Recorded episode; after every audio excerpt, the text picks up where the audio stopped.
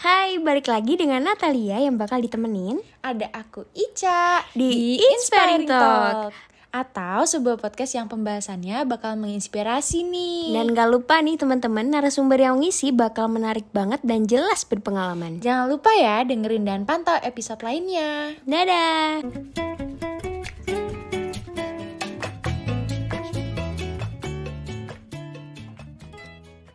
Caca, podcast kali ini kita bakal bahas apa sih? Bahas apa ya Nat? Yang lagi rame sih pokoknya apalagi di pandemi gini Wah, kasih tahu, Ca. Jadi di podcast kali ini pembahasannya tentang bisnis atau kewirausahaan yang bisa diterapin di masa pandemi gini nih. Nah yang lebih gak kalah menariknya lagi apa coba Nat? Apa tuh?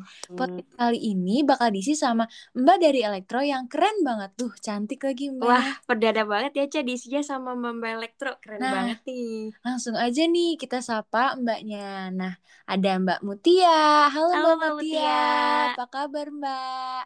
Halo Ica, halo Natalia. Aku alham- alhamdulillah baik, sehat. Lagi apa sih, Mbak, kesibukannya sekarang, Mbak? Kesibukannya lagi ngerjain tugas akhir aja nih. Wah, aku emes banget sih Mbak sama Mbak Mutia kayak life-nya tuh bisa balance Mbak dari akademik terus bisnis juga sama social life gitu. Itu gimana sih Mbak biar bisa kayak gitu? Ngimbanginnya gitu ya, Ce. Mm-mm. Kayak Memutia kan sibuk sana sini, tapi kayak dari segi aspek eh, kuliah, terus entah yang pendukungnya gitu, bisa imbang, Mbak. Em, kalau aku sendiri sih mungkin lebih bisa ngatur waktu kali ya. Misalnya eh, kita bangun pagi nih, pagi ngomong ngerjain sesuatu yang lain dulu. Heeh. Terus nanti bisa dilanjutin tuh kalau kerjaan kita udah selesai, lanjut deh entah mau main atau mau refreshing dulu sebentar. Terus sambil di sela-sela kesibukan yang lainnya lagi juga pasti bakal ada ruang buat ngerjain hal-hal yang lain lagi sih. Tinggal gimana kita bisa memprioritaskan kebutuhannya. Ih, keren banget, Mbak. Apalagi aku uh, sering nge-stalk juga kan, Mbak, akun bisnisnya Mbak Mutia, ada By Mimu gitu. Nah, kalau misalkan buat nyoba bikin start bisnis itu, gimana sih, Mbak, uh, mempersiapkan dirinya biar berani gitu, Mbak, buat ambil langkah kayak gitu? Iya, apalagi pastinya bakal ini sih Mbak relevan sama mahasiswa lainnya khususnya elektro ya. Dengan kesibukan yang kurang lebih bakal sama lah Mbak sebagai mahasiswa teknik tahu sendiri ya Mbak bakal sibuk ini itu gitu. Nah, dari Mbak Mutia sendiri nih Mbak dengan adanya By Mimo mungkin awalnya gimana gitu? Awalnya itu aku mulai by Mimo karena aku iseng pas kuliah online kemarin kan gak banyak nih kegiatan selain kelas online di laptop aja. Akhirnya aku se- searching-searching gitu tuh di Instagram. Sebelumnya aku udah sempet jualan-jualan gitu kan. Aku emang seneng-seneng sama masker-masker organik. Udah kayak gitu nemu nih, oh jadi kepikiran apa jualan lagi ya. Tapi aku pengennya tuh jualannya di Semarang. Kebetulan aku lagi di Bekasi, jadinya aku ngajak temen aku buat barengan. Itu awal, awal mulanya tuh karena iseng itu doang sih. Iseng pengen jualan. Eh ya udah deh nyari nyari partner, ngajak temen. Terus selain itu menurut aku yang harus disiapin yang pertama yang, ada- yang harus disiapin itu niat. Kita harus persiapin diri kita, terus kita harus siapin niatnya juga. Kenapa sih kita memulai suatu usaha ini gitu loh. Karena kalau kita belum tahu tujuan yang jelas kenapa kita memulainya, pasti kayak bakal gampang gak sih buat kita berhenti buat ngelanjutin si usaha itu sendiri. Iya, bener Mbak, bener-bener. Nah, ya kan. Apalagi kalau orangnya itu mut-mutan kayak aku nih. Jadi aku dulu tuh sempet jualan hijab. Itu 2019 aku mulai jualan hijab. Tapi di tengah-tengah tuh aku kayak ah udah ah aku males ngelanjutinnya. Kayak gitu. Hmm. Terus ya udah aku aku stopin aja berhenti di situ aja, nggak aku lanjutin. Terus sekarang tuh aku mikir lagi gitu loh. Ah coba ya dulu aku lanjutin, aku konsisten, aku nggak mut-mutan gitu. Kayak Hmm. sekarang tuh ada TikTok. Dengan adanya TikTok itu kan pasti ngebantu kita para small bisnis buat ngembangin usaha kita, buat memperkenalkan eh, produk kita ke orang lain, buat ngejangkaunya tuh bisa lebih luas lagi. Kayak Hmm. gitu. Kuncinya berarti konsisten gitu ya Mbak ya. Ya, konsisten, niat. Oh, terus ada lagi nih satu lagi yang kayaknya Hmm. semua orang pasti pernah merasa seperti ini sih. Mm. Jangan gengsi, jangan malu buat show off usaha kalian di sosial media. Bener banget sih Mbak, aku mikirnya kayak kalau buat promosi terus ngajak orang beli itu tuh masih uh skill aku masih rendah banget ya Mbak. Makanya nanya Mbak Mutia nih, kira-kira faktor-faktor penting apa sih Mbak yang harus diperhatikan dalam berwirausaha pertama kali gitu Mbak? Faktor-faktor penting. Mm-mm. Menurut aku yang pertama itu produknya. Faktor Oh. pentingnya kamu harus tahu nih kamu pengen usahanya tuh apa sih gitu kan. Hmm. Kemudian ada juga analisis pasar ataupun konsumen. Konsumennya, kemudian tuh pemasarannya. Nah, menurut aku kalau kalian mau memulai suatu usaha itu yang pertama kalian harus merencanakan bisnis plan-nya. Nah, kalau kalian belum familiar sama bisnis model kanvas, Hmm. aku mau sedikit cerita tentang BMC atau bisnis model kanvas itu tuh. Boleh banget, boleh banget. Apa sih mbak itu? Nah, jadi bisnis model kanvas itu kayak semacam visual chart buat kalian ngerencanain bisnis kalian. Dan itu tuh benar-benar padat, terus terperinci juga. Jadi di table itu tuh nantinya bakal ada ada kayak 9 komponen yang harus kalian isi mulai dari key resource kayak aku lupa ya key key resource tuh ngejelasinnya apa pokoknya ada key resource ada kayak channel ntar kalian bakal masarin usaha kalian tuh kayak gimana sih Hmm. konsumennya konsumennya siapa aja misalnya eh, orang Semarang umurnya 12 sampai dengan 20 tahun kayak gitu Hmm. Terus nanti juga di BMC ini tuh ada bagian kalian nih, kira-kira pengeluaran buat bisnis kalian nih apa aja sih yang harus disiapin? Hmm. Misalnya kayak usaha makanan kan kalian perlu biaya buat listrik, buat Iya. kompor, buat kayak meja, kursi, kayak gitu. Dan juga nanti bakal ada bagian kalian ngisi nih, kira-kira nanti pendapatan kalian selain dari itu apa aja. Gitu. Oh, detail banget ya Detail, Mbak. Kalau boleh tahu Mbak Mutia dulu belajar itu autodidak emang pengen eh, ilmu bisnis atau ada belajar kursus gitu Mbak? Iya, dan apa emang dari awal Mbak Mutia udah seniat itu gitu Mbak? Udah dari awal nargetin aku harus niat memulai ini dengan ya ini analisis dan sebagainya gitu Mbak. Eh, kalau tentang BMC itu sendiri sih, aku dari dulu emang tertarik banget kan sama wirausaha. Dari aku maba, terus aku jadi semester mahasiswa semester-semester awal, aku seneng nih ikut-ikut kegiatan wirausaha kayak B- KBMI, kayak DEV, kayak PMW.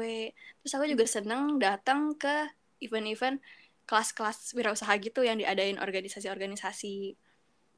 Ih, balik lagi ke bisnis nih Mbak. Aku mau tanya, selain Mbak Mimu, ada nggak sih Mbak bisnis lain yang Mbak Mutia jalani? Eh, kalau bisnis sih aku selain By Mimu nggak ada. Cuman aku sekarang lagi jadi content creator juga di bisnisnya teman aku. Namanya isyourneeds.co. Kalau kalian kepo bisa dicek di Instagram. Oh, Wah, Mbak. boleh dicek nih Ih, teman-teman. Kemarin ya Mbak, itu aku ngeliat dari paid promote Is Your Need tuh udah terkenal sama sewa Zoom itu nggak sih Mbak? Iya benar. Ah, Hmm. ternyata itu punya Mbak Mutia juga atau gimana? Eh, enggak, itu bukan punya aku, itu punya temanku. Cuman aku kayak eh, kerja di sana. Oh, Emang kalau dari Mbak Mutia sendiri Mbak eh, konten kreator gitu sebenarnya rincian tugasnya ngapa sih Mbak? Kayak aku mbak sebenarnya masih abu-abu sih Mbak tentang konten kreator Oh, aja gitu. konten kreatornya ini tuh lebih ke desain daily content buat story. Hmm. Terus juga yang ngedesain feeds-nya buat bikin konten di feeds sama kalau ada perintilan-perintilan lain misalnya kayak desain proposal kayak gitu itu bagiannya aku sama update story setiap hari. Berarti Mbak Mutia emang kayaknya bisa semua aspek ya Cak. Bisa gitu Bisa Mbak. Apa ya Mbak ngedit. Mutia nggak bisa? bisa bi- Ah, kalian bisa aja. Iya Mbak, kayak balance banget gitu Mbak, akademiknya juga. Hmm, tapi aku tuh lebih karena aku suka sih sama apa yang aku lakuin. Eh, Aku suka ngedesain-desain gitu Hmm. walaupun kita makanya Canva doang ya misalnya. Iya. Sama Jadi- jadi aku tuh enjoy aja gitu bikin-bikin di Canva, desain-desain. Soalnya Terus emang juga- kalau ngejalanin kayak gitu berdasarkan passion sama kesukaan emang betah banget ya Mbak buat jalanin dan ngerasa itu tuh nggak tanggungan gitu Mbak. Hmm, bener bener banget. Lebih suka ngelihat grafik sinyal atau gimana nih Mbak? Kayaknya lebih suka lihat yang lain deh, gak grafik. Oke, skip dulu. Mungkin nih Mbak, kalau tadi Mbak uh, Mamutia udah cerita ini itu gitu tentang wirausaha. Uh, dari pengalaman Mbak Mutia yang tadi, buat ke depannya Mbak Mutia pengen ngejalanin bisnis kayak apa lagi sih Mbak? Kan tadi udah kayak ada masker, terus uh, dengan kontribusi jadi konten kreator gitu. Nah, mau apa gitu Mbak ke depannya? Ke depannya pengen sih berwirausaha. Kalau jujur aku sendiri tuh kayaknya lebih tertarik buat bikin usaha sendiri dibanding ya begitulah kalian pasti tahu. Cuman hmm masih belum tahu sih namanya kepengen kan kita pasti pengen pengen pengen aja ya. Harapannya gitu ya mbak kayak pengen doang. Ya, harapannya sih pengen punya usaha sendiri ke depannya. Lihat hmm. nanti aja deh. Kalau bidangnya eh kalau jenis usahanya belum tahu ya mbak atau bakal kayak ranahnya mau ke makanan atau ke fashion gitu atau hmm, kalau sekarang tuh aku namanya cewek ya aku suka banget sama skincare. Jadi tuh aku uh. pengen banget punya toko skincare saya beli ya cek kalau iya Mutia. siapa tahu nanti mbak bisa bikin brand Mutia skincare atau Mutia cosmetics mbak. Waduh amin amin dulu. Uh, mungkin bisa dijelasin kayak lowest pointnya by Mimu tuh pas apa terus kayak permasalahannya apa gitu mbak. Kayak kendala-kendala yang mbak Mutia alamin gitu mbak dari oh, awal. lowest. Oke okay, kendala. mm lowest pointnya itu kan kebetulan aku ini jualannya kayak masker kan awal-awal masker-masker wajah gitu. Iya. Yeah. Nah lowest pointnya itu pas awal tahun kemarin tuh ada ada berita. Mungkin kalian tahu berita yang masker abal-abal dibilangnya yang kena mm. yang belum berbepom kayak mm. gitu. Nah berita itu tuh ngaruhnya tuh ke semua para penjual masker gitu. Hmm, berarti Mbak Mutia juga kena impactnya ya Mbak? Hmm, kena impactnya dan itu tuh sampai sekarang pun jadi yang kemarin tuh ya adalah lumayan banyak lah orderan masuk dan sekarang tuh kayak udah tidak sebanyak yang kemarin gitu loh dan itu tuh walaupun hmm. sudah berbulan-bulan yang lalu dan yang aku jual juga udah pada BPOM semua kan produknya itu tuh kayak masih berdampak sampai sekarang dan setelah aku lihat-lihat lagi gak cuman aku doang ternyata yang ngerasain kayak gitu tapi para semua bisnis owner yang jualan masker itu tuh sama-sama kena, sama-sama masih ngerasa dampaknya. Hmm. Wah lumayan berat ya Mbak ya. Mm Salah uh, trust dari si customer ya Mbak. Iya bener banget. Jadi orang-orang tuh kayak langsung mikirnya ah pasti itu gini gini gini gini. Padahal kan sebenarnya enggak ya. Iya, itu kan kayak cuman oknum ya, Mbak. Hmm, benar oknum, tapi dampaknya dampaknya iya gede juga, Mbak aku mau tanya nih Mbak, kan yang jual masker organik banyak ya Mbak ya kayak uh mm -hmm. lah zaman sekarang.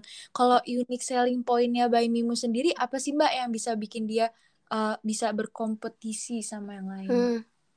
Hmm, unique sellingnya By Mimu itu uh, kita suka ngasih free gift buat customer.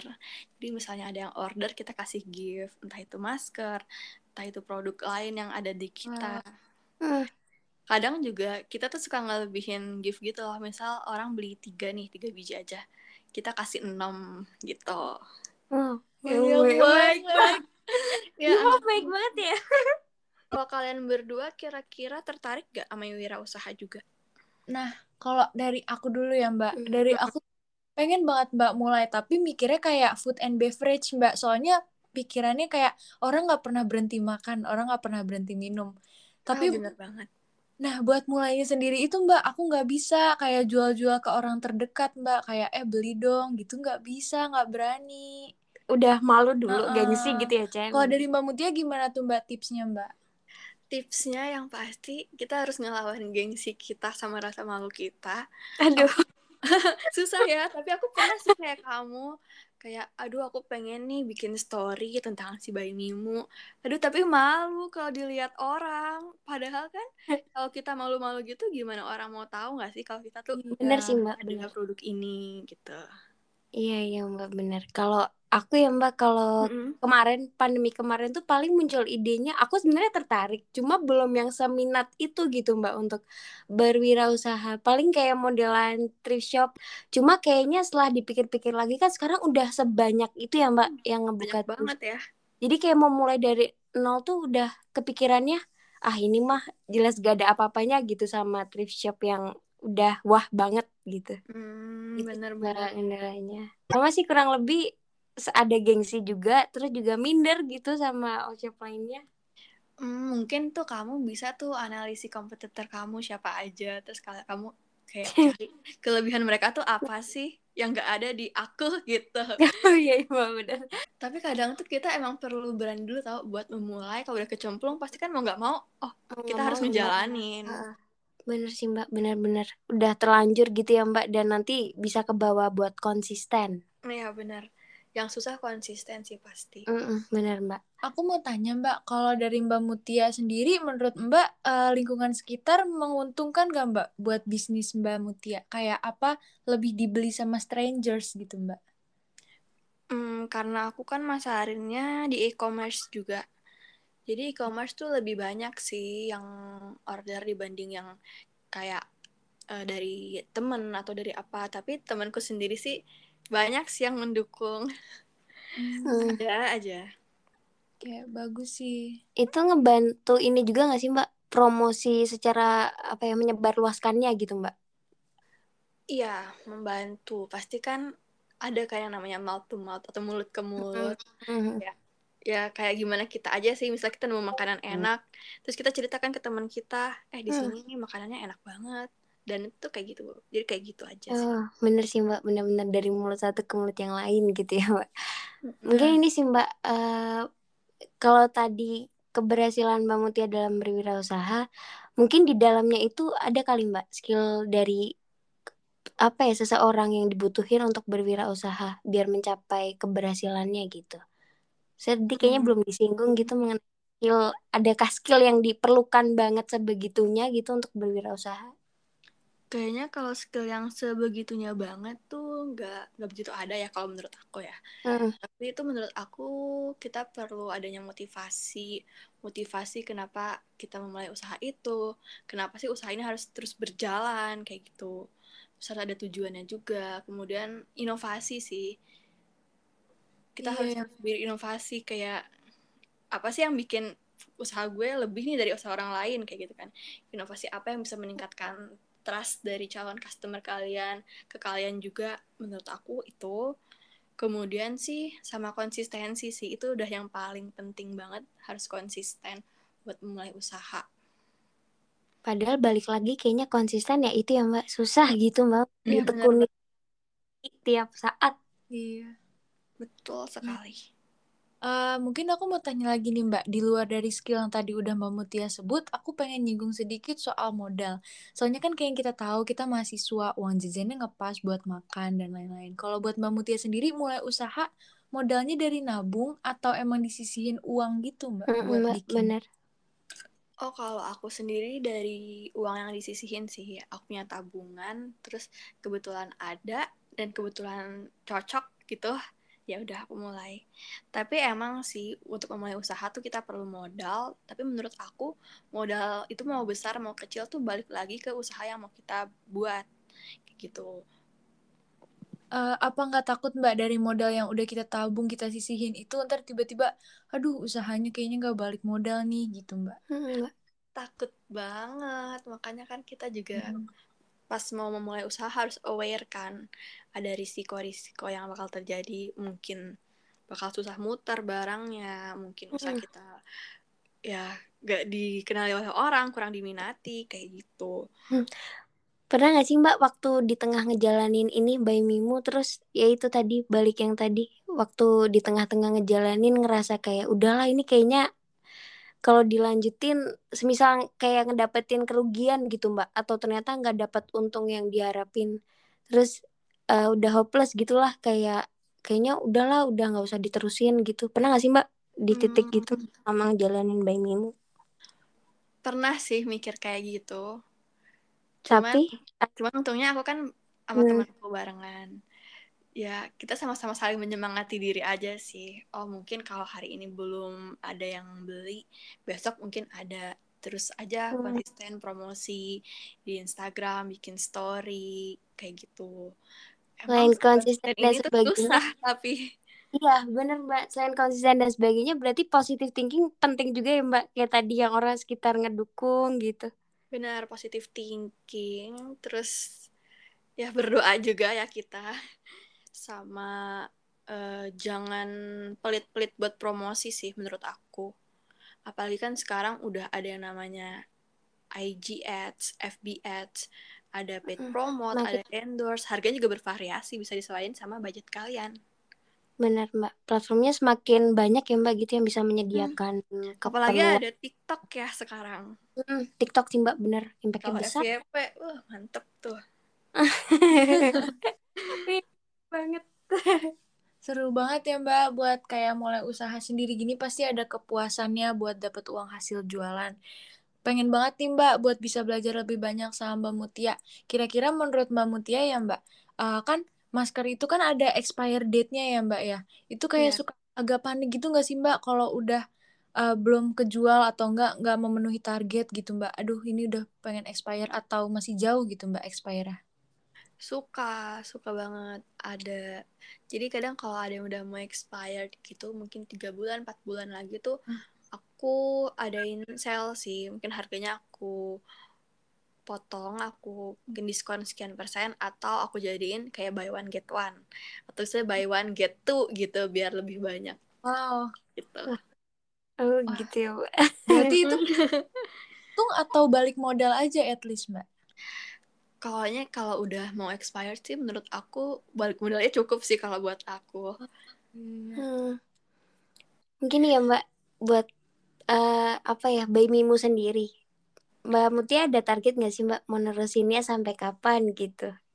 Atau memang mau dikembangin sampai mungkin Mbak Mutia ada target sendi- tersendiri gitu Mbak buat Bayi Mimu harus sampai nanti di endorse sama Relv-nya gitu bisa apa gitu.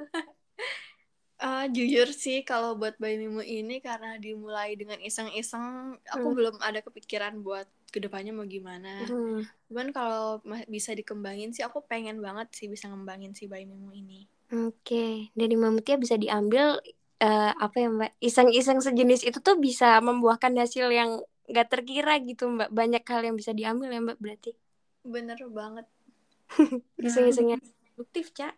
Nah, sebelum kita di akhir pembicaraan nih Mbak yang belum kita singgung sama sekali. Kenapa sih Mbak namanya Bayi Mimu Mbak?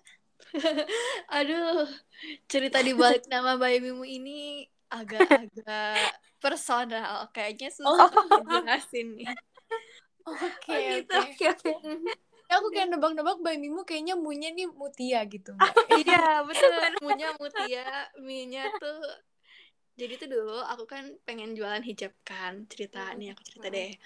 Aku bingung nih namanya apa ya Terus temenku nyaranin Mimu. Apa tuh Mimu? Milik Mutia gitu. Aneh banget emang.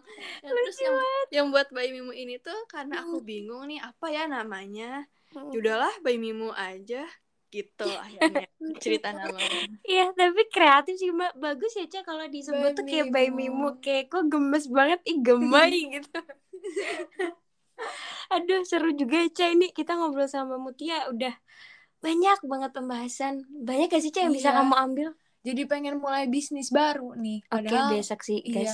Besok. semoga bisa sekonsisten Mbak Mutia ya Nat Iya. kita. Semoga juga buat para pendengar Inspiring Talk ini nih, bisa yang udah ngedengerin Mbak Mutia ini bisa terinspirasi lah buat mengambil jalan selain cuma belajar gitu ya, Ceh. Gak Hmm, cuma organisasi tahu belajar, Kan bener. jalan hidupnya bukan menjadi electrical tapi jadi pebisnis kan nggak ada yang tahu. Iya, bisa buat backupan gitu ya, Ceh. Iya, bener gak. Mbak? Bener banget. Apalagi buat kalian yang merasa, aduh elektro bukan gue banget. Aduh, cari-cari passion yang lain. Aduh. kita kan juga udah di akhir semester ya Mbak. Semoga eh, lancar TA-nya dan dipermudah sampai sarjana teknik ya Mbak. Amin. Amin. Saya Sehat selalu. Ya, sekali lagi ini ya Mbak, makasih banyak pokoknya dari aku sama Ica buat Mbak Mutia udah bersedia untuk mengisi Inspiring Talk ini Mbak. Soalnya ini nggak kalah menarik sih pembahasan kali ini. Ini uh, perempuan pertama, yang Pertama menjadi yang ngisi. pengisi di Iya, Inspiring Talk. wah banget. Aduh jadi malu. Merasa terhormat nggak Mbak nih? Lumayan. Makasih ya kalian udah ngundang aku di Inspiring Talk ini. Semoga bisa bener-bener menginspire. Episode-episode selanjutnya kalau semisal bakal ngundang Mbak Mutia lagi. Hmm, Nggak bakal kapok. Iya, Baru tetap ya udah kayak Udah. wah banget udah Mutia tinggi. Skincare and Cosmetic. Amin. Ica bisa aja. Makasih banyak Mbak Mutia. Sampai Makasih ketemu di Natalia episode lagi ya. Mbak. Iya, sampai Mbak. Iya, dadah. Dadah. Nah, nih buat teman-teman yang udah ngedengerin tadi, semoga eh, podcast kali ini bisa membawa manfaat buat kalian. Eh, yang pastinya bisa kalian terapin juga lah buat ke depannya gitu, buat selain kehidupan di kampus yang cuma belajar doang, cuma organisasi. Semoga dengan adanya podcast dengan topik berwirausaha di tengah pandemi ini bisa menginspirasi kalian. Apa cak penutup dari kamu? Penutup dari aku, semangat terus karena jalan hidup gak ada yang tahu. Jadi coba terus, explore terus diri kalian. Coba apa aja yang kalian penasaran. Pokoknya jangan pernah nyerah lah. Oke, semangat buat teman-teman. Sampai jumpa di Inspiring Talk episode selanjutnya. Dadah. Dadah.